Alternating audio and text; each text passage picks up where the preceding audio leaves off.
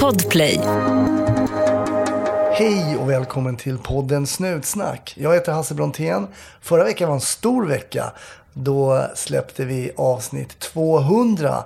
Och inte nog med det, vi passerade 5000 följare på Instagram. Stort tack till dig som lyssnar och följer oss. Vi finns på Instagram och på Facebook. Och stort tack också, kanske litet, litet extra tack till mina Patreons som lyssnar på det bonusmaterial som eh, mina gäster förser er med.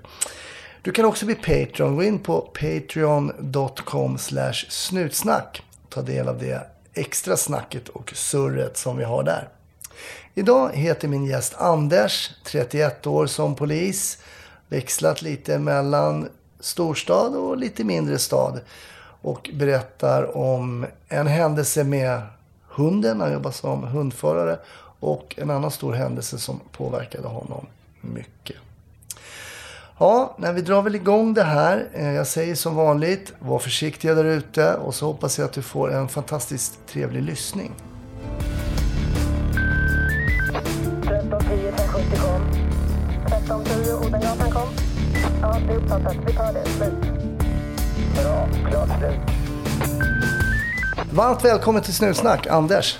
Tack! eh, Jätteärofullt faktiskt att få bli inbjuden. Vad kul att höra. Och jag bugar och bockar lite extra för jag vet att du har smittit iväg från familjen. Ni är uppe och hälsar på här i Stockholm. Så jag har kidnappat dig lite här. Ja, men det ja, kanske man inte ska säga, men det kan vara skönt med en lucka också lite från eh, barnen. En stund. Ja, Så det är lugnt, det löser vi. Ah, vad bra, vad bra. Vi pratade precis innan vi satte på inspelningen här om en eh, nål som du har fått och en skål som du har fått. Eh, du kan väl berätta lite kortfattat vad det säger ju lite om din polisiära, om, inte- om inte annat om din ålder. Ja, det säger ju lite om både min tjänsteålder och Lenas ålder, så det är väl lite så här, ja, fast jag är ganska trygg med det. Det är som det är, den siffra. Det vi pratade lite om det var väl att vi har jobbat i 30 år. Och då eh, kan man eh, beställa en nål, en nit och redlighet. Eh, vilket vi är några kollegor som har gjort eh, faktiskt. För att tycka det är lite värdigt. Och visa att man har varit med och erfarenhet och det. Och det mottas lite olika. Det mottas med lite respekt från vissa håll och andra kan ju tycka att det är lite flöjtigt. Att man är lite konstig som varit 30 år inom statlig verksamhet. Och ja, man får en sån blick också. Det är lite både och.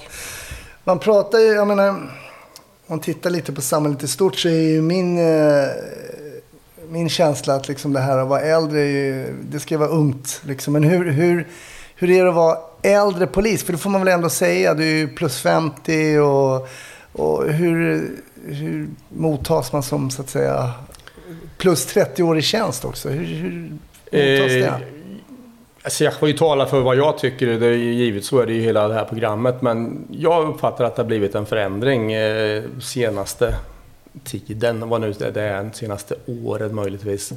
Att det blir en liten, en liten tendens till att man vill peta undan eh, erfarna poliser för att eh, inte egentligen att man vill ha någon som kanske inte har lika mycket insikt. Och har man en insikt som jag anser det, då har man ju oftast en åsikt. Och då är det lättare att ta någon som kanske inte har det. Utan jag känner att faktiskt att det inte har blivit helt lyckat där. Man tar inte tillvara på den kompetens som är utan det puttas undan en del. Och sen undrar man i nästa andetag varför de inte har en hög ambition i vissa lägen. Jag tror det hänger ihop lite med att, eh, att tar du bort någras ansvar fast de borde ha det. De har förvaltat det bra innan. Och sen tycker man att det är konstigt kanske att de visar en viss tendens av bitterhet om man nu ska använda det här ordet. Så jag tycker det är lite synd. Ålder ska inte föra allt. Det var så när vi började Hasse med det var åldersprincipen, Ole Dole äldst och det. Det ska vara kompetens som styr. Men på något sätt känner jag att eh, mm, man bortser lite från det. Man säger att man vill ha erfarenhet, man säger att man vill ha eh, ja, personer ute på gatumark, men man underlättar inte för att de äldre ska orka, vilja vara just ute och jobba i uniform. För du har varit ute mycket i uniform just. Ja, det har väl varit i en period med utbildning här uppe i Stockholm på Rosersberg, förvisso i uniform då, och nu är jag ju inne mestadels på ledningscentralen som ledningsbefäl där med vissa pass ute. Men eh, visst, jag har ju varit ute hela livet egentligen och vill ju ut och jobba mer. Men möts inte av direkt någon uppmuntran. Om man ska säga så. För det är ju så, det har vi ju hört genom podden också. Polisyrket är ett påfrestande yrke. Man jobbar skift, eh, måste få ihop det på många sätt. Och det är nätter och det är krävande. Eh, både för kropp och själ. Hur skulle man kunna underlätta för någon som är då inte 22? För då kommer man ju ut färdig och, och är liksom som tjurfärdernas polare liksom.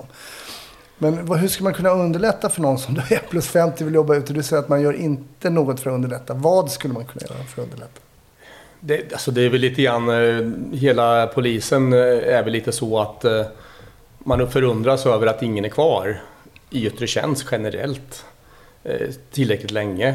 Fast man vet ju vad det, hand, vad det beror på. Det är ju egentligen det är inte bara lön, det är arbetstider, det är ju så att säga, arbetsvillkor så som jag tolkar det. Man går in och får en likadan tjänst, oftast lite mer betalt.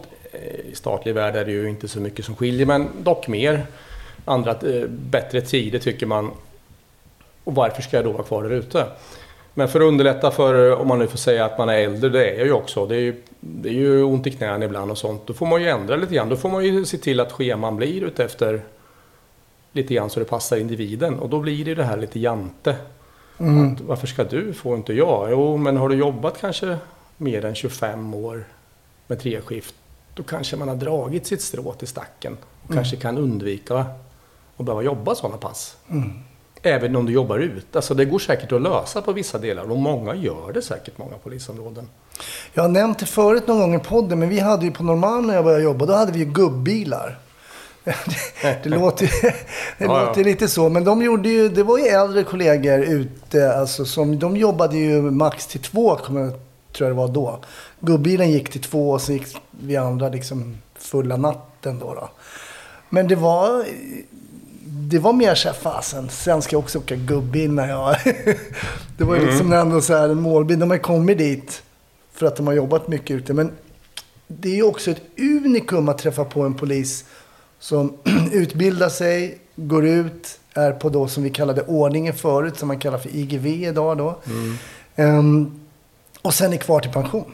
Det är ju nästan så att du inte kan hitta en sån konstapel.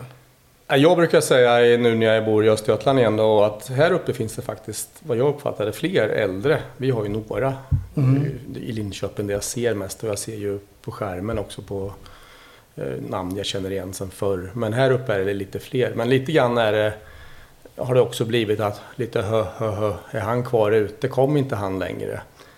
Mm, Men min det. uppfattning är lite grann kanske att ja, han trivs så jäkla bra, eller hon då. Så att man kanske inte vill göra någonting annat. Jag vill inte gå in och göra det. Jag vill inte göra det. Jag, det är det här som är min identitet. Det är det här jag vill göra. Mm. Utan det behöver inte alltid vara liksom att man är, inte har lyckats vad det gäller att hitta någon tjänst. Eller, alla har inte det drivet, ambitionen. Man vill, man vill kötta liksom och träffa andra människor. Såväl vanliga som de som är inte är helt normala. Mm. Nej, men det där är intressant som du säger. Det är som om att man står och stampar och inte har tagit något kliv liksom, i karriären om man är kvar på ordningen. Vilket ju, alltså all cred till alla som är kvar på ordningen skulle jag vilja säga.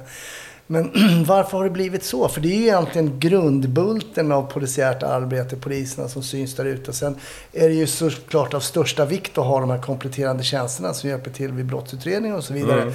Men varför har det blivit så egentligen att man vill liksom kanske ifrån just IGV, ifrån uniformen? Ibland känns det som att uniformen har blivit som ett arbetsmiljöproblem. Att man måste liksom lämna den. Mössan i alla fall ett arbetsmiljöproblem. Ja. För den är aldrig på längre. Men, nej, jag vet faktiskt inte. Jag har nog inte svaret där. Mm. Men eh, alltså, vi har jobbat när vi började Hasse, då vart ju, fick ju folk familjer också, mm. givetvis. Och vissa visste man ju inte ens om att de hade fått sitt tredje barn, man, de som inte berättar så mycket om sitt eget. Men man undrar ibland hur de fick till eh, sin relation och, det, och var ihop kanske då med en kollega. Idag är det ju mera styrt av att jag vill inte jobba helger och jag behöver vara ledig för att jag...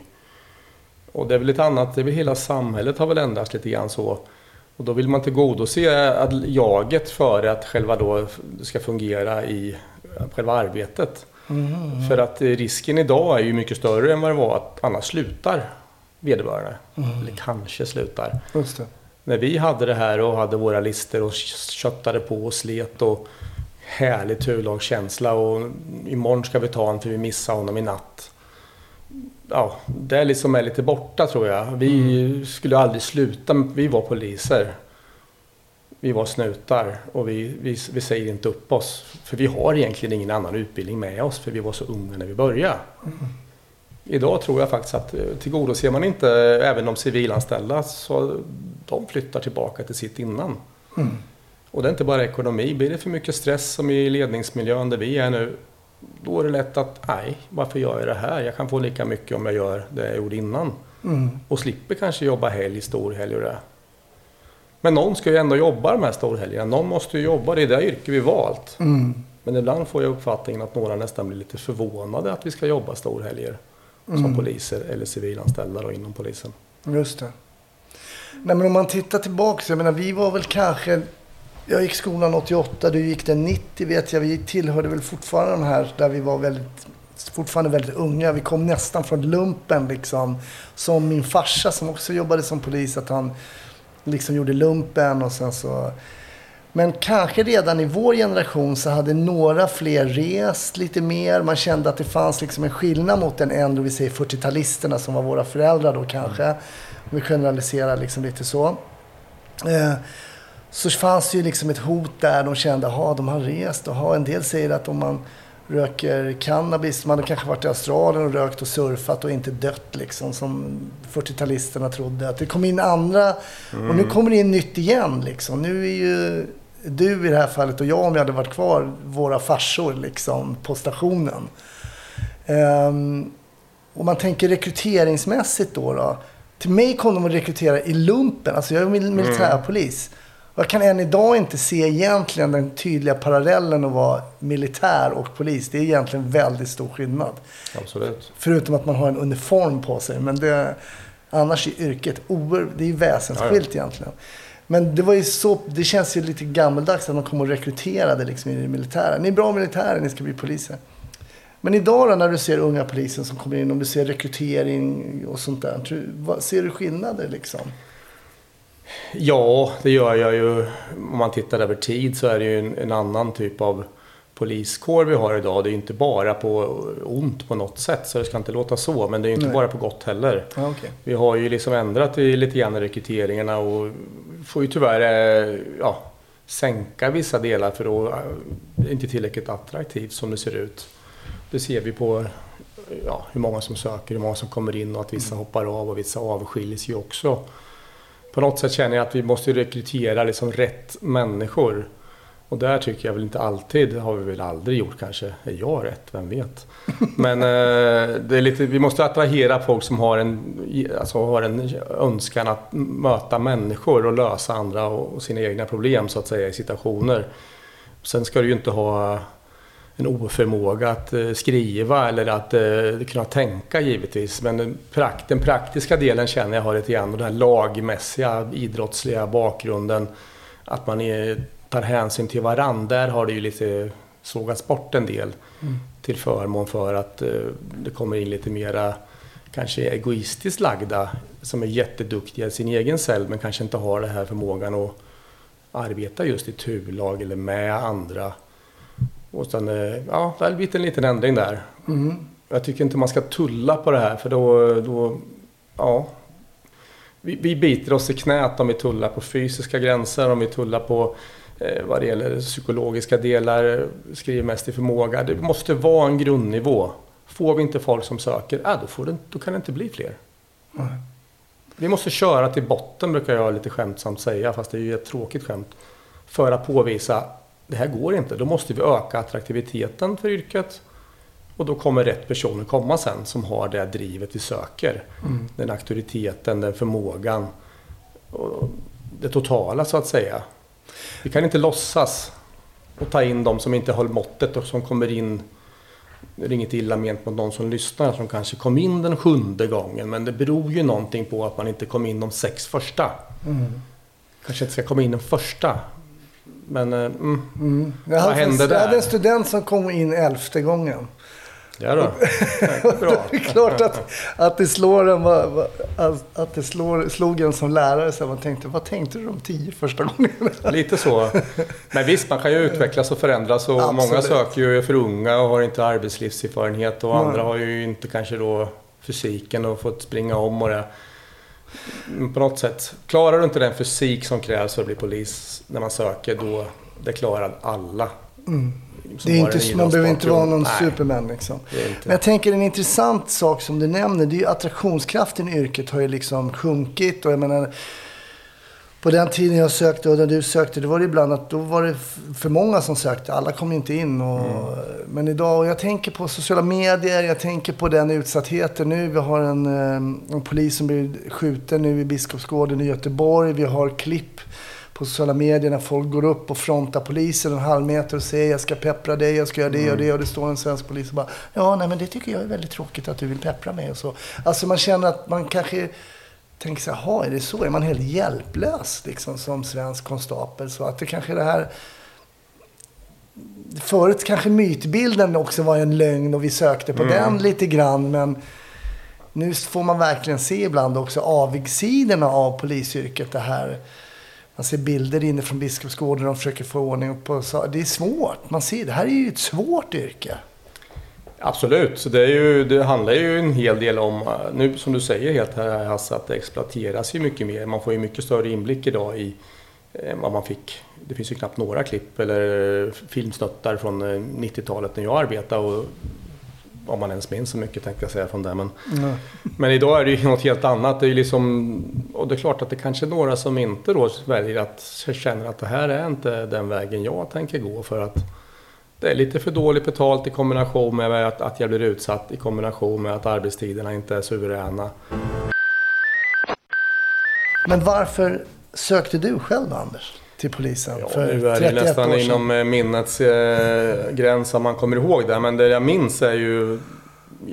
Ja, det var ju pappa egentligen sa, ska inte du bli polis? Och då var man så här, efter lumpen som vi pratade om här. Mm.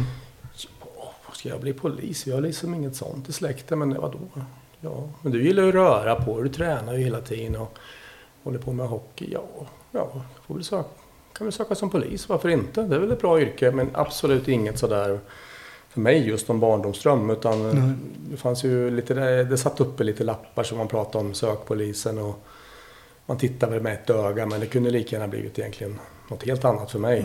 Men det, det ångrar jag inte idag, utan eh, jag kom ju in direkt. Eh, en ung valp som inte egentligen var mogen eh, fullt ut. Och det fick man ju å andra sidan höra, att man kom in i en gemenskap där man var sist i rang. Man var en räv och man klämde svansen i dörren och man inte stängde den försiktigt.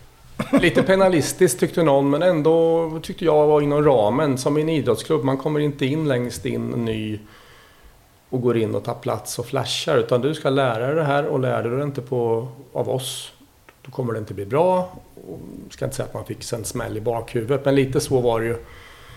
Och man lärde sig vidare. Man, man, man lärde sig också att det där ska jag inte göra som han gör. Och det där som hon gör, det är ju så jäkla bra varje gång. Man skapar sig sin egen identitet av de andra kollegorna som man hela tiden arbetar med.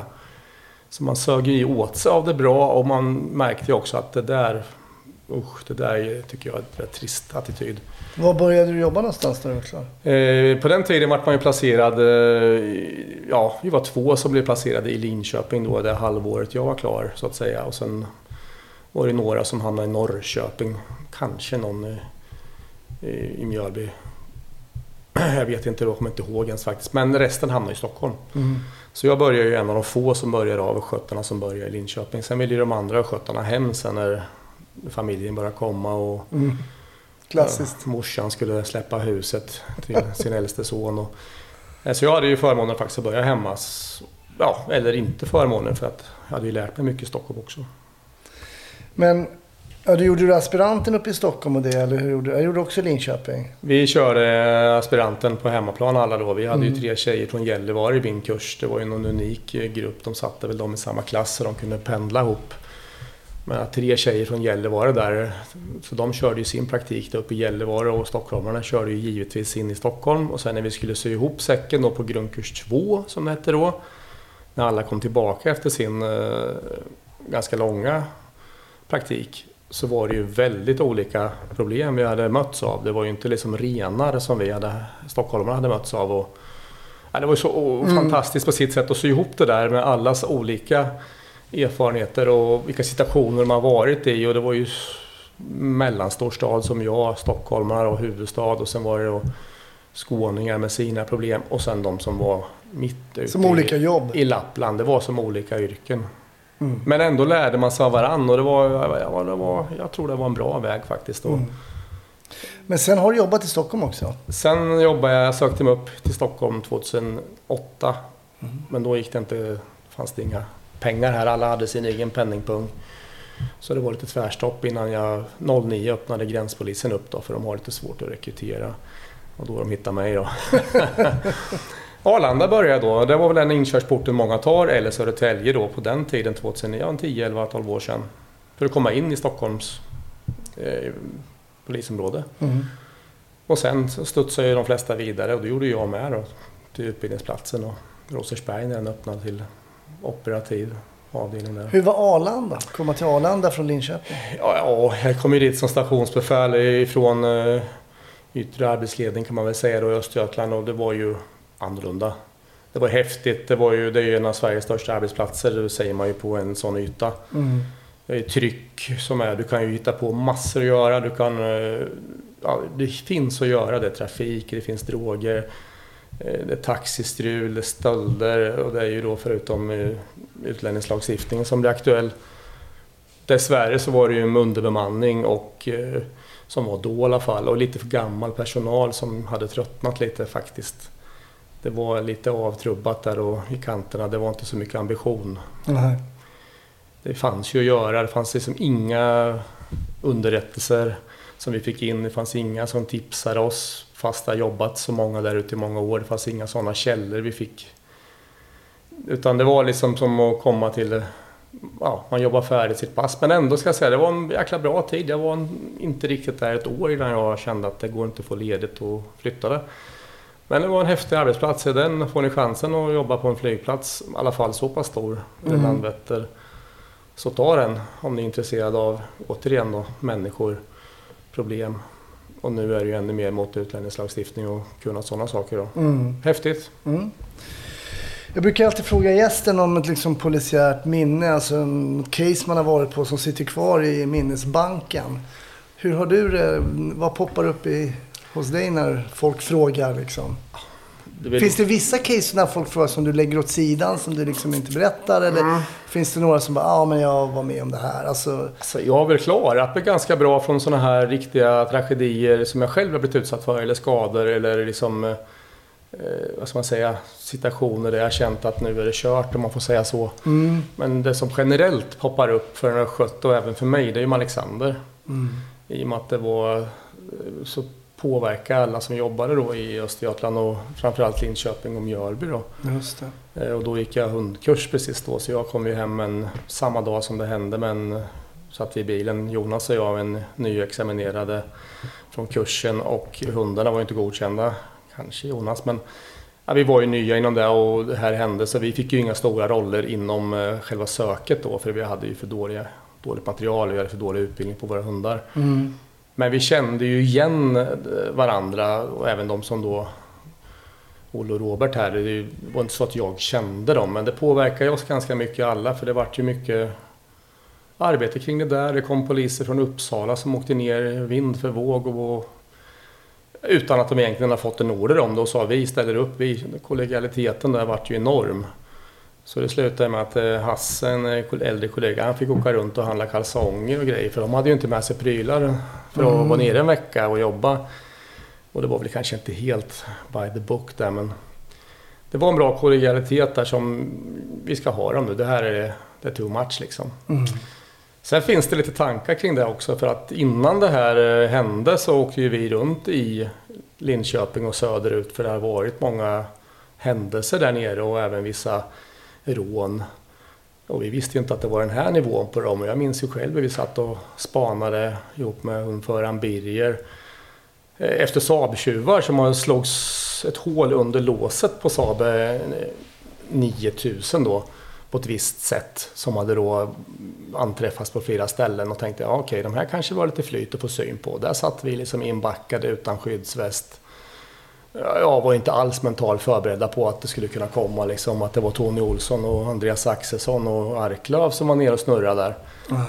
Utan hade vi sett en Saab och åkt efter den, det är klart att man har ett säkerhetstänk och det. Man kanske hade hunnit trä på sig västen som låg, oftast man hade den kanske under knäna då, framför sätet. Eh, möjligtvis, men eh, inte alls som efter bastaktiken kom som man började tänka annorlunda. Så det var lite läskigt. Och sen efter det här hade vi ju även en skjutning som skedde då på vår parkering utanför polisstationen där, vi, Okej. där en polisman sköts i axeln. Ja, ja, ganska nära anslutning till Alexander och det var ju Svartenbrandt inblandad i och en kille från dåtidens gäng som var ifrån familjen i Borlänge. Mm. Som sköt rakt in i polisbilen egentligen och träffade en kollega i axeln då, som hade jäkla tur där. Och hans intuition gjorde ju att han egentligen överlevde. Och det kom liksom i samband med det här och det vart väldigt, väldigt mycket på den förhållandevis lilla eh, personalstyrkan som var då. Mm. Jag kommer ihåg också den, jag jobbade i Nacka då när det här hände. Och det är svårt att sätta ord på vad som händer tycker jag när två kollegor då eh, blir dödade. Men det blir som att alla går upp på tå. Du berättar ju då att det kommer ner poliser från Uppsala och så vi hjälpa till. Men alla går upp på tå. Det är verkligen det här. Alltså nu, nu måste vi verkligen. Det här, de här ska bara åka fast liksom. Och det, det, är, mm, det, man kan nästan känna det i luften på något sätt när det liksom, man har varit på utsättningar förut. Man har varit på de här, suttit med, med yttre befäl och så. Men det är någonting som händer. Och det är, det du pratar om kollegialitet och så här, men det är ju någonting i det här yrket som händer där när vi... Det spelar ingen roll om man ogillar varandra, men när någon liksom trycker på röda knappen så, så eh, kastar vi anteckningsblock Absolut. och sånt där. Det är, mm, det är någonting intressant där. Ja absolut, det är ju, det är ju någonting av eh, liksom. någon stolthet i det. Att nu är det nog, nu har man gått över en gräns liksom. Mm. Det här var ju ganska tydligt att det var över en gräns givetvis, båda de här händelserna jag sa här nu. Mm. Men det är så med alltså, man accepterar på något sätt inom polisen, som polis, jag pratar för mig själv, att vissa kliver över vissa gränser ibland. Men det, sen finns det de här lite oskrivna reglerna där, där, nej, nu är det nog. Mm. Nu har du klivit över lite för mycket, då växte någon typ av eh, polisiär ilska, man får säga så. Mm. Det här var ju så givet, men även i andra situationer kan det vara att det där är inte okej. Alltså, det här är mitt jobb, lägg av. Mm. Det är liksom inte, det är inte okej liksom. Mm. Och då finns det ju en fantastisk kollegialitet och gemenskap och man hjälps åt och det finns inga arbetstidsregler som eh, stoppar oss då. Nej. Om man säger rent, då, då går vi all in. Och det är det som gör att man älskar det här jobbet också. Så pass mycket som man gör, fast man ibland faktiskt inte älskar det i andra situationer. Nej. Men det, det är som en ja, familjär lag. Man, är, man, nu, man går ihop liksom. Du nämnde idrotten och kanske det här. Det finns ju den här lagkänslan som man kanske tar med sig om man har spelat lagidrott. Vilket till exempel jag hade gjort. Eh, och gjorde skulle jag säga. När jag, eh, är den, eh, kan den vara av vikt liksom när man kommer in till polisen? Min uppfattning är att den är bara till godo. Att man har en förmåga att inse att man inte är ensam. Att någon annan har en vilja och någon annan har en roll. Och min roll är en viktig del men den hjälper inte om, om de andra inte gör sina roller fullt ut. Nej. Då funkar vi inte. Utan det är någon slags eh, omklädningsrumsmentalitet kan ju ibland framställas som lite negativt eh, kan jag tycka. Eh, Ja, men det är lock, locker room talk. Man Locker room Trump, talk, lite liksom. jargong, lite så här lite uh, ja, under bältet det där. Men jag kan tycka det är ganska sund ventilation också. Och eh, det har inte att göra med att man ska snacka massa goja, men det, jag tror den delen är bra. Att man Mm. eh, får ta hänsyn till att man, man får inte alltid spela liksom. Nej. Ibland är du på bänken, någon annan ska fram. Och det är bara att du köper det och tar din roll. Ibland får du stå vid avspärrningsbandet och det är inte kul. Nej. Men jag är inte anställd för att ha kul heller. Nej. Då får man acceptera att någon annan har en annan roll och min roll idag är det här. Under kommendering eller annat. Mm. Och det tror jag är lättare om du är van att arbeta i grupp eller arbeta så att säga, eller spela Mm. inom lag. Den förmågan kan man ju givetvis ha, även om du är Man kan bygga upp den också. dartspelare eller har kört tennis liksom, givetvis. Men på något sätt känns det som att det kan inte vara en nackdel normalt sett. nämnde lite det, så här, och det, vi säger nu på vår tid, det är ju inte superlänge sedan, men det är ändå... Oh. ja, okej då. Det är alltid relativt. Ja. det är inte livstid i alla Nej. fall, kan vi väl säga. Eh, och inte, ja möjligtvis kanske en generation, vi får se. Men ehm, eh, när man kom och var ung som polis, och vi hade ju också det, man blev kallad för räv och det var ju så här, sluta vifta på svansen räv, jävel, det dammar liksom. Eh, och du sa det kunde ju uppfattas av en del som penalist. Jag gjorde aldrig det personligen. eh, Att, eh, jag tror att det har lite med det att göra när man kom från lagidrotten också. Att man puttade på varandra lite och knuffade och lite petade varandra i sidan och retades och sådär.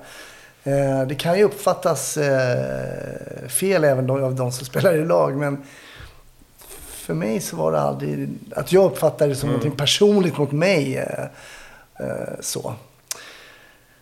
Men nu kan jag tänka mig att det är helt annorlunda. Man inte, man, ordet räv är väl borta och det togs väl bort för länge, länge sedan. Och det kanske inte heller har någon bäring på något sätt. Alltså, jag kan säga så här, vi berörde det ju förut här. Linköping hade väl kommit när jag började lite längre. Norrköping hade ju kvar lite mer penalistiska drag längre om man får säga så. Att var du ny där så var det ju arrestvakt eller reception. Eh, mer eller mindre, eh, inte varje pass, men eh, absolut mycket oftare. Du fick ju ta det här tråkiga mycket mer. Men sen finns det också en liten rättvisa där. En ny, man pratar ju om lite skämtsamt om en polisiär lottning. Det, jag vet inte om du har hört den Ole Dole, den klassiska Ole Dole yngst. Vem kör bussen hem från kommenderingen? Ole Dole du. Och då är det den som är yngst i tjänst. Och då blir det lite så här, "Jaha, ska jag köra? Jo, men nästa gång är det ju inte yngst. För det fylls ju på hela tiden. Så det finns ju en rättvisa också i det. Att det hela tiden fylls på. Och det, tyvärr tycker jag det har fallit lite grann det här med att är man för sent till jobbet, då backar ju någon annan upp, är kvar för att du har försovit dig. Alltså på något sätt bygger det på när man byter varandra i, i dörren så att säga, som i uniformsyrket är. Att den andra är kvar, någon backar upp vid, för att du är sen och jag har slarvat. Då får man köpa en tårta. Som lite straff. Det har ju liksom lite dött ut, hör man ju så här. Varför ska jag ha någon tårta? Ja, eller ska vi dra av en timme av din arbetstid då? Du har ju inte varit här. Det är ju det, de andra backar ju upp dig. Kanske till och med är kvar och även fast de är runt hörnet på något gym så säger man, är det något så ring mig tills han kommer. Lite grann det här, krockar du en polisbil när det inte finns så att säga ett direkt behov. Att du trycker till någon eller gör något sånt stopp. Ett, eh, ja, valt stopp. Utan du klantar dig. Då får man betala en tårta. Nej, det gör vi inte längre. Okej. Nej men alltså det är lite grann så här, vi ska vara rädda om våra grejer för har vi alla bilar på verkstad då får vi åka i skiten i skalen som ingen vill åka i. För att de bra bilarna är på verkstad för att just du och du inte var rädda om grejerna. Ni klantar er. Då kanske man ska vara lite rädd om grejerna, annars får vi sitta och åka i de här gamla skalen. Det är lite grann känner jag att det kan jag tycka är lite positivt man pratar för hur jag tycker på det. Jag vet att det en, finns kvar. Jag vet en tårta jag fick betala i alla fall. Jag körde om med 1480 polisbuss på Norrmalm. Eh, körde om på ett övergångsställe. Ja, det är ju inte bra såklart. Nej. Eh, men eh, jag vet inte, jag var förvirrad. Och det bara skreks i bussen. Wow, tårta! Och eh, ja, det var ju bara... Ja, men det bygger ju lite så här att man... eh, Ett garv också. Man, eh, ja, fast det, nu när jag är på ledningscentralen så funkar det tycker jag. Det, det garvas och lite grann så köps det in någon... Ja, på enklaste sätt. Ofta vill man ju till jobbet fort och så bromsar man in och så köper de någon liten... Ja, vad den kan vara. Det är symboliskt det handlar om. Det är inte värdet. Det kan vara en Vad är tårta upp och er då? Är det en försovning eller? Det... Ja, det kan vara det är att du ser att du försover dig. Alltså att du hamnar i någon eh, oförutsedd bilkö på grund av en olycka har ju inte med det här att göra. Det är ju, det är ju att du har klantat helt enkelt. Oftast då. Ja. Eller missat att ställa eller inte vaknar. Men det räcker att det kommer en glassbytta och nu kanske vi inte ska ha det just den här men alltså ett par skedar nedkörda i kanske fel corona och pratar nu men det är, inte, det är symboliskt det handlar om att man visar att ja, tack för ni backade upp lite grann och mig. Det är lite så här, det bygger lite bra gemenskap. Och det ska vi fortsätta med tycker jag. Men du Hasse, jag, hade, jag, jag vet flera stycken som sa det, att du måste nämna hundenheten. Det, måste Ja. det varit för lite snack om hundenheten så tänkte jag måste ju nämna det. Såklart du måste. Att, eh, det var en fantastisk tid som hundförare i alla fall. Ja. Om än jobbig med mycket träning och avlivning av hundar. Men man säger så här, jag har räddat två liv som ingen annan hade kunnat rädda för att jag inte gav mig. Mm. Och där kommer jag ha med mig på mina 31 år här nu. Kan du berätta om ett av dem? Nej, det kan jag berätta kort. Eh, det var 99, jag minns det, i Finspång, en ort utanför Norrköping, en bruksort. En försvunnen man. Min hund var inte godkänd. Jag var ju nyutbildad hundförare och eh, fick då enligt det här man söker, eh, enligt ett system kan man väl säga, det sannolikhetssystem var att personen kan befinna sig. MSO. Ja, det är eftersök, eftersök försvunnen person säger man idag, men strunt samma. Och då hade jag, fick jag en liten tilldelad en liten ruta som man säger då kartmässigt där han absolut inte är. Och vad var upplägget? Vad var, vad var jobbet? Vi ska hitta honom, han är försvunnen, suicid, eh, ja, stor risk för att han skadar sig själv. Eh, De andra, det ganska många, de med duktiga hundar fick ju de rutorna där det var störst sannolikhet på kartan då. Jag fick ju en ruta bara, du får gå och leta här med ficklampa och din hund som är bara koppel för han är inte godkänd. Eh, Snö, jättekallt, eh, hunden markerar upp på en höjd naturligt och en annan, precis då kommer den äldre hundföraren Lasse och ropar kom nu för fan, Sama då som jag kallas. Det där är för fan ingenting, han är ju inte här. Det här är ju bara lite spel för galleriet att vi söker av de här. Han är ju gått åt helt andra hållet. Alltså all information tyder på att inte här. Inte all in, men alltså. Ja, men jag måste följa upp det här och han skakar på huvudet typ så här. Ja, gör det du. Färsking. Det Fast inget ont i honom på något sätt. Nej. Och jag ser att det är små fötter i snön, djup snö. Små fötter upp, små fötter ner, små fötter upp. Jag tänkte, vad är det här? Och hund går ju, det var inte så svårt, jag kunde ju visuellt spåra, men han spårar upp på en höjd utan träd. Det var ren backe, kommer upp och ser att det är som en upptrampad eh, hydda i snön. Massor blod. Hunden blir precis stel och, och jag med, för jag får den här känslan, jag är inte ensam här Mm. sån här känsla som är svårt att förklara. Och hundens svansen, den svansresningen han har på den chefen, den är bara den är rakt upp. Det är något här alltså. Och sen får jag syn på att det ligger en man hoprullad som en liten boll eh, i fosterställning i, i en stor blodpöl i snön. Och eh, lite konstigt för precis när jag går fram, jag får ju binda hunden först för han var ju inte så där, han hade inte så jättebra lydnad Ja, okej. riktigt. Och det var ju så mycket lukter och eh, saker som påverkar där. Och går fram och då hör jag den här sista klassiska sucken när man säger så. Att man hör gurglet att det var det sista. Den människan drog. Det var det. Det väste till. Och sen är det tyst i skogen förutom att hund står och drar i det träd han är bunden i. Så jag, jag börjar hjärt-lungräddning på honom. Försöker hitta den här masken som man har i benfickan. En liten fin mask man fick ut, man skulle lägga ut. För det var ju mycket prat om hepatit och även hiv då. Mm. Eh, men jag hittade inte den. Och fick ju börja köra ändå, fick igång honom. Eh, samtidigt så försöker man ju få kontakt på radion. Det är ju inte Rakel utan det var ju 99, det här var ju gamla systemet. Och få tag i både Lasse Fors och Kalle som eh, försöker förmedla platsen. Och sen kommer ambulans dit och eh, de, han går igång. Han hostar igång sig och eh, bär sig ner och ja. Och just den stämningen som blir, känner efteråt att fan vad bra. Och just det här att du gav det inte och man får massa klappar och just då känner man bara skitsamma, bara det går bra här. Mm. Men eh, det lite unika med den historien egentligen är ju, vet inte om det är unikt, det är många som har blåst liv i folk och många har gjort likadant och inte lyckats. Så att jag är inte unik på det sättet. Men det var att jag fick en återkoppling. Mm. Eh, han överlevde. Eh, han skickade ett brev till de här poliserna som de förmedlade till mig. Och eh, han hade hamnat på plastikkirurgen för att han hade skurit sönder sin arm så pass mycket. Han hade alltså gått upp, försökt hänga sig, inte lyckats, gått ner, tagit en glasbit i kolonistuga, gått upp till samma trygga plats, inte alls unikt, skurit sig. Ända in till benet. Så att han var i förblödning som var problemet där.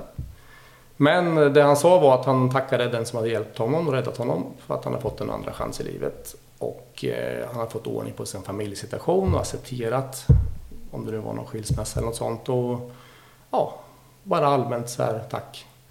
Och då, då kände man så här, fan alltså. nu gjorde man något bra. Och likadant att ni som tycker att höhö, ni hundförare, ni hittar ju aldrig någon och ni, haha, ni hittar på att det inte finns något spår och Mm. hur många har du räddat då? Ja men liksom det, det här var min andra faktiskt men det vart en till Men hur är den känslan när du sätter dig i soffan då? Du berättade att du sätter dig i soffan innan du liksom kan gå och lägga dig direkt. Hur är det då, då när du sjunker ner och känner det? Just då var det nog lite mera, jag kommer ju inte ens ihåg, men det var väl kanske mer undra hur det gick för honom. Ja, För det visste man ju inte då. Det såg väl inte så positivt ut. nej. Men han var ju inte klädd för det heller. Lågskor och gått i snön. De här små fötterna som jag sa, det var ju lågskor, inga kängor. Och, så det var, ju- men senare sen vart det någon slags... Ja, man känner fan, han är inte, man är inte helt jävla oduglig alltså. Är rätt så, jag är rätt nöjd att jag inte gav upp där och hängde med Lasse där liksom och var varm till bilen. Utan nej, fan, jag ska inte ge mig. Och där tror jag lite idrotten. Jag mig inte, jag ska lösa det här. Det är den driften du måste ha på hund och andra enheter också givetvis. Inte känna det här, jag tar genvägen, jag tar den lätta vägen. Du måste liksom göra färdigt. Utan att det blir en idioti att göra färdigt. För det ska ju finnas, men här fanns det ju liksom en anledning, tyckte jag i alla fall. Kanske en negativ del där som du beskriver av polisyrket är ju liksom fåtal återkopplingar på fall som man, sen kanske man inte vill ha på alla men men det är klart, det finns nog många konstaplar som sitter och, hur, vad hände med den där för 22 år sedan? Som jag faktiskt fick liv i. Överlevde hon eller han? Och så. Det, det kan ju vara, Absolut. om du inte hade fått återkoppling på det här caset, kanske inte ens hade kommit ihåg det på samma sätt. Nej, jag skulle nog säga att jag hade nog glömt bort det ett par år senare att jag ens hade gjort det. Förrän det kommer på tal med en ny eh, utbildning i HLR eller liknande. Det. Men det är ju en liten stor brist vi har generellt inom polisen, det är ju återkoppling. Mm. Det, får vi återkoppling som jag säger till yngre kollegor, då är det oftast inte något positivt som ska sägas. Nej. Då ska du ju få skit. Eller man ska gräva fram ett ärende, man ska lyssna på ett samtal vi har haft för att man ska hitta att vad var det vi inte gjorde riktigt bra här? Okej. Det är sällan man gräver fram någonting. Vem, vem var det som gjorde det här? För det var så jäkla bra. Mm. Utan man får ju leta efter positiv återkoppling i människors ögon. Man ser att de är nöjda, man ser att de är tacksamma. För att du kommer inte få höra det så ofta. Det är ju min egen erfarenhet. Men du ser ändå att ja, det här gjorde vi bra. Fan vad du gjorde det här bra Lasse och Lisa eller vem du än är. Du bara ser det, du bara känner det, men ingen säger det. Och det kan vi inte förvänta oss. Utan du får vara nöjd med det.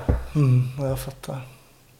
De här åren nu om du ser tillbaks. Eh, det är ändå 31 år som du har varit i Polismyndigheten och haft olika tjänster och sådär. Vad, vad skulle du säga har den största, den tydligaste förändringen skett? Om man tittar på samhället, tänker du då? Ja, eller på myndigheten Ja. också kanske. Du kan få välja lite. Om man ska snabbspola lite grann, här, 90-tal här, så det, för mig då, det var ju liksom, eller för alla oss, det var ju Visst, det hände ju saker då med. Det var ju grova grejer. Det var ju Conny, Sonny, Hasse och Börje och Böcka och Bobby. Och det var de här klassiska busarna och det var ju rånare givetvis. Men det, sen var det ju missbrukare som man träffar varje natt som inte egentligen motsatte sig kontroller. Det som har ändrats idag det är ju mer att det ska vara lite mer korrekt. Jag menar profilering som man pratar om. Idag profilerar vi ut människor utefter sannolikheter när man stoppar människor. Just det. Och då blir det kanske ibland inom vissa områden eller annat en viss typ. Det är liksom ingen idé att ha en, som jag brukar säga, det är ingen idé att ha en kurs för EPA-traktor, hur man framför den i Järva. Nej. För de är inte intresserade, lika väl som det kanske är ingen idé att ha i Värmland i en information, någonting som inte rör de ungdomarna. Det måste vara anpassat på något sätt. Nej men det är intressant. Jag menar jag tror vi pratade lite om det med Mustafa och Hanif i ett avsnitt. Att liksom, vi pratade rasprofilering till exempel. Mm, det att, hörde jag där. Ja, man, alltså en kille som kommer från Somalia säger bli stoppad i... Alltså det är svårt att stoppa en etnisk svensk i Rinkeby. Alltså det bor ju inte så många. Alltså, och vilka är det som har skjutit varandra nu i Rinkeby de senaste åren? Nej, det är unga somaliska män. Eh, varför stoppa en, stoppa en äldre dam liksom i en bil i Rinkeby? Det, om man nu på något sätt ska profilera någon form av, Mm. brottslighet. Så att, ja, och du som inte har lyssnat på det avsnittet kan väl lyssna på det också för Mm. att höra lite kring... Jag hörde lite på det. Ja, du har hört lite det. Det är rätt intressant det där hur, Det är klart att poliser profilerar. Och jag menar, då är vi inne på det. Så det är ju många som, som tycker att ja, bara man är polis är man ju rasist i och för sig. Men, men hur har du uppfattat det inom Polismyndigheten? Nu är du eh, en ja, svensk polis, vilket är inte är konstigt när man är i Sverige. Men, men hur har du uppfattat det inom Polismyndigheten, alltså bland kollegor och så här, Din uppfattning? Alltså jag tycker inte att eh, alltså rasism, nu, det har ju blivit väldigt fokusering på det. Ibland kan jag tycka lite fel. Eh, vi, jag tycker inte vi har det här riktiga. Problemen finns ju alltid på individnivå givetvis, men som struktur så tycker jag inte att det... Utan det har ju, för mig har det med beteende och mönster och hur attityd, hur personer beter sig. Och sen är det ju lite grann kopplat till plats. Eh, fordon som kan förekomma sen tidigare, alltså historik. Och det gör ju, betyder ju inte att de i bilen har någonting skumt för sig just den här gången. Men det är det som ju många gånger föranleder att ett stopp sker. Och så gör ju alla kollegor ute fortfarande, det är jag övertygad om. Att man tittar och jag sitter ju nu och slår historiken åt dem ibland. Men att man skulle stoppa någon bara vem orkar stoppa någon för att tjafsa brukar jag tänka. Varför skulle jag stoppa dig när jag vet att det kommer bli tjafs, vilket det blir, och dålig attityd. Bara för att. Ja, då skulle det vara enklare bara, men skit i att stoppa den där.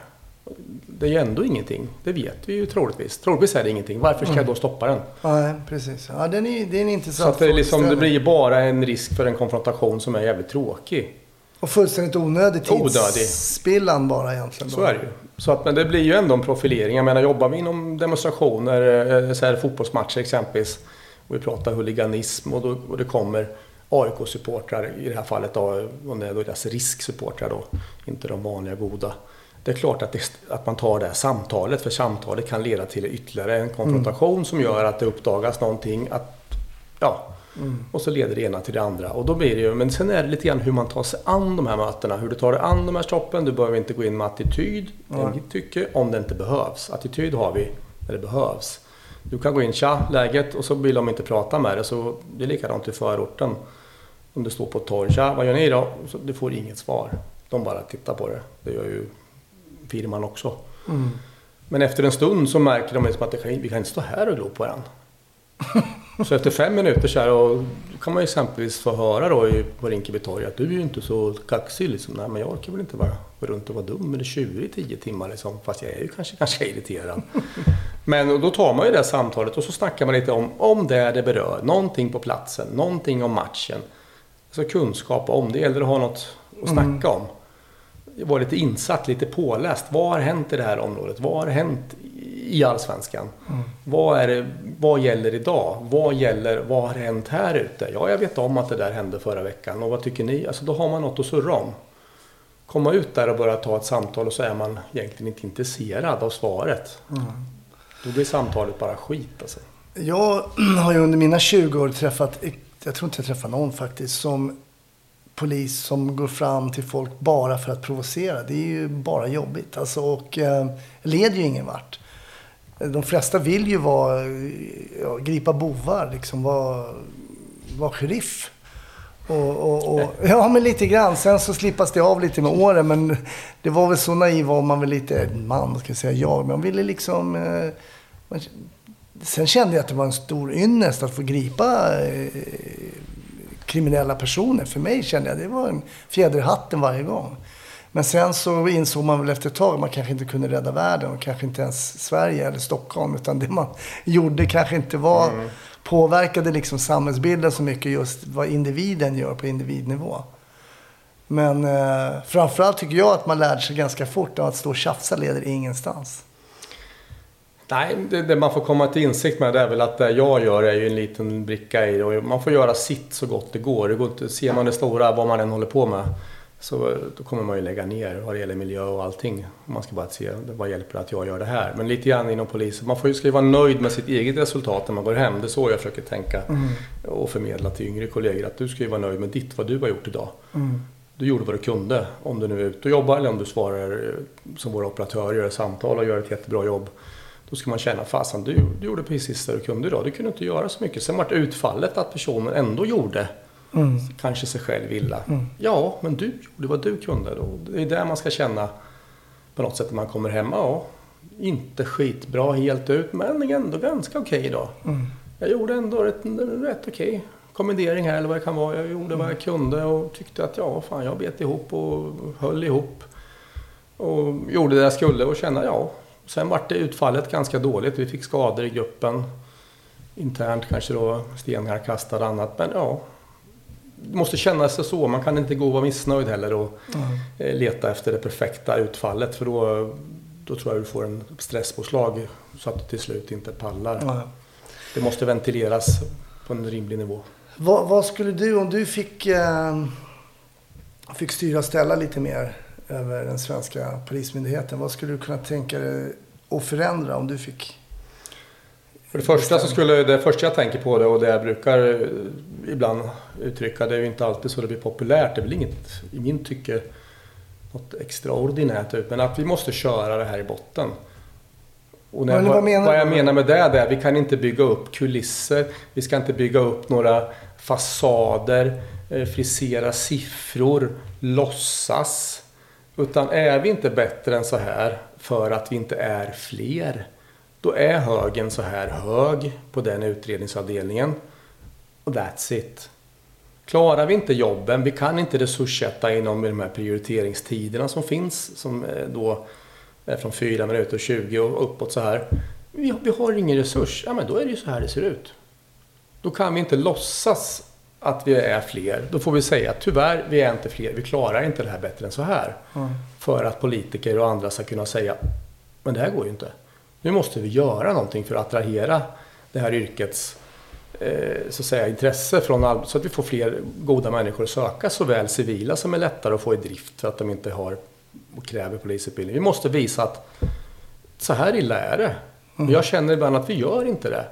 Att vi låtsas. Menar du att vi liksom förskönas, att det, sanningen förskönas? På högsta ledningsnivå kan man väl säga, eller även på lokalpolisområdesnivå. Då. Det behöver inte vara just eh, Tornberg, vår rikspolischef här, som är sympatisk och duktig. Men att det liksom, det, ja, det förskönas. Det liksom, det, är, det är så bra här och vi, det här går, det klarar vi. Och, Jajamän, och tumme upp. Och sen så står ju folk och skriker, vad, vad, vad håller ni på med? Ja. Och så lyssnar vi inte på dem. Det är ju dem vi gör det för. Varför sitter vi på de här mötena för? Ja, vad skitbra möte liksom. Vad jäkligt bra hotell och allting. Ja, men vad gav mötet? Ja, det var ja, jäkla bra bärs i baren också.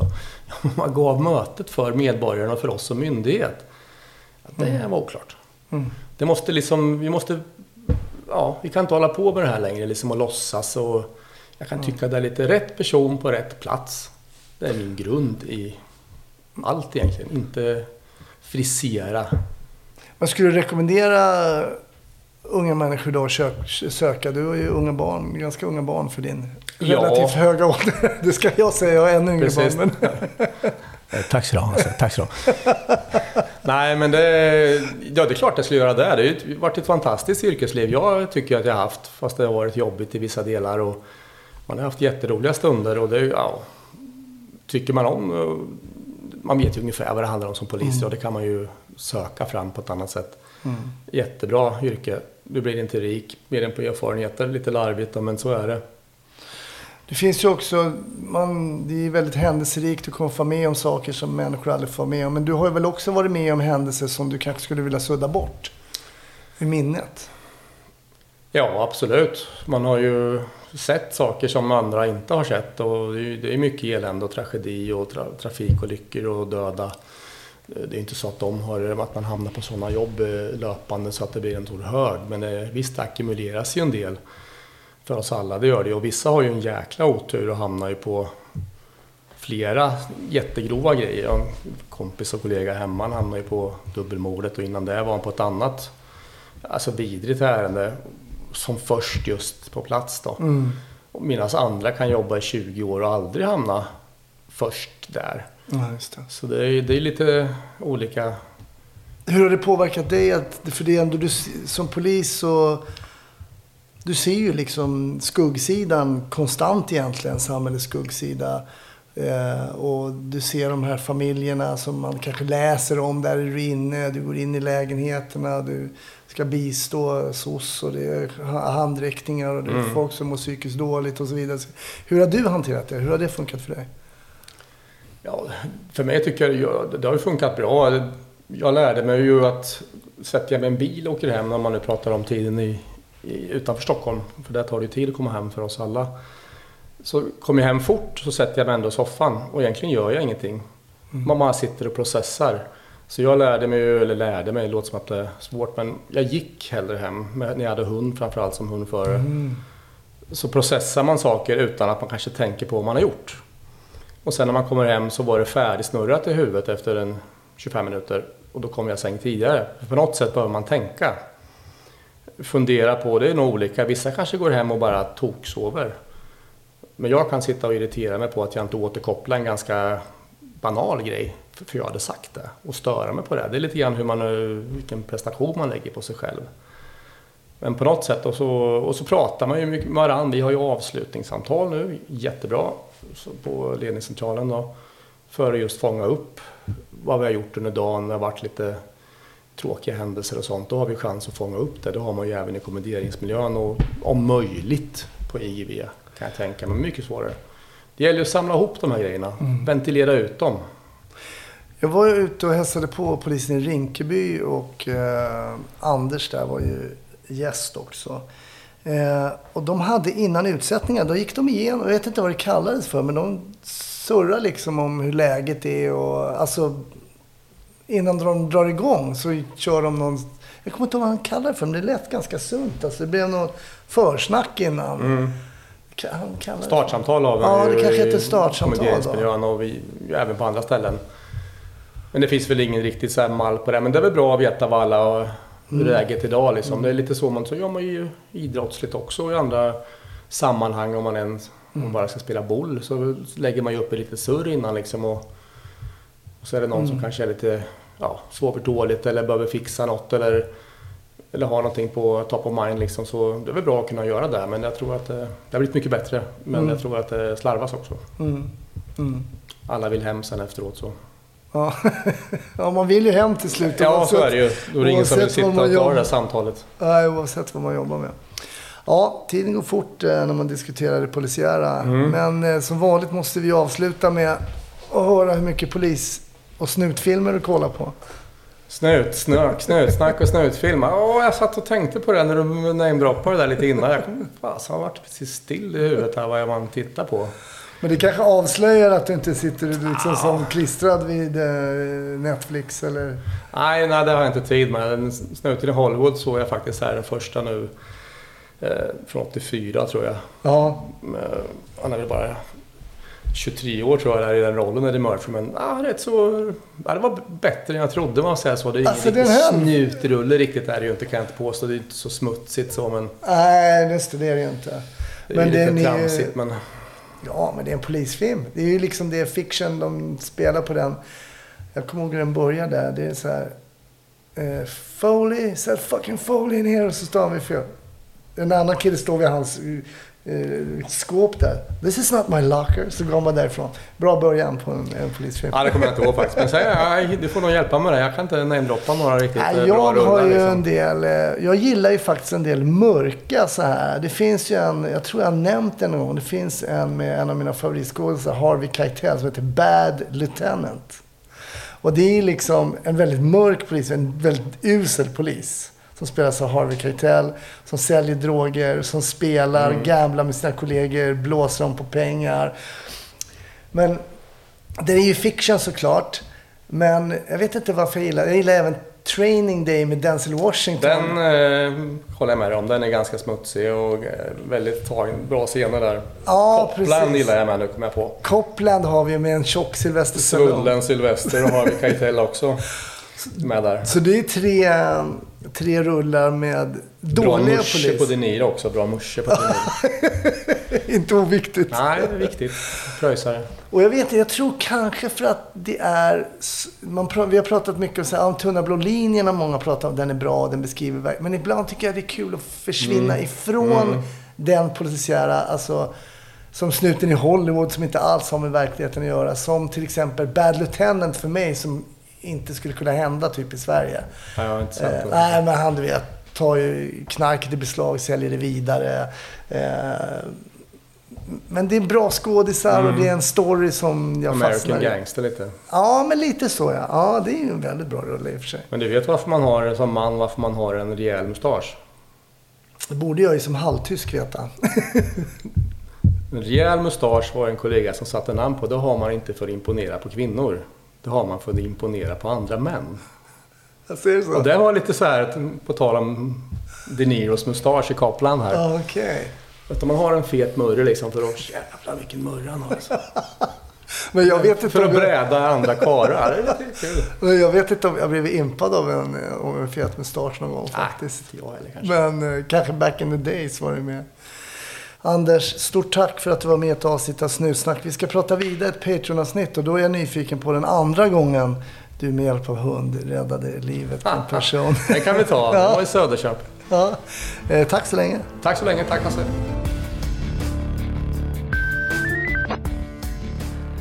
Tack så jättemycket. Podden är slut för den här veckan, men vi är tillbaka i nästa såklart. Och jag hoppas du lyssnar då med. Smitt in på Patreon, ta del av bonusmaterial. Patreon.com snutsnack. Ha det bra till nästa vecka. Vi hörs då. Hej då.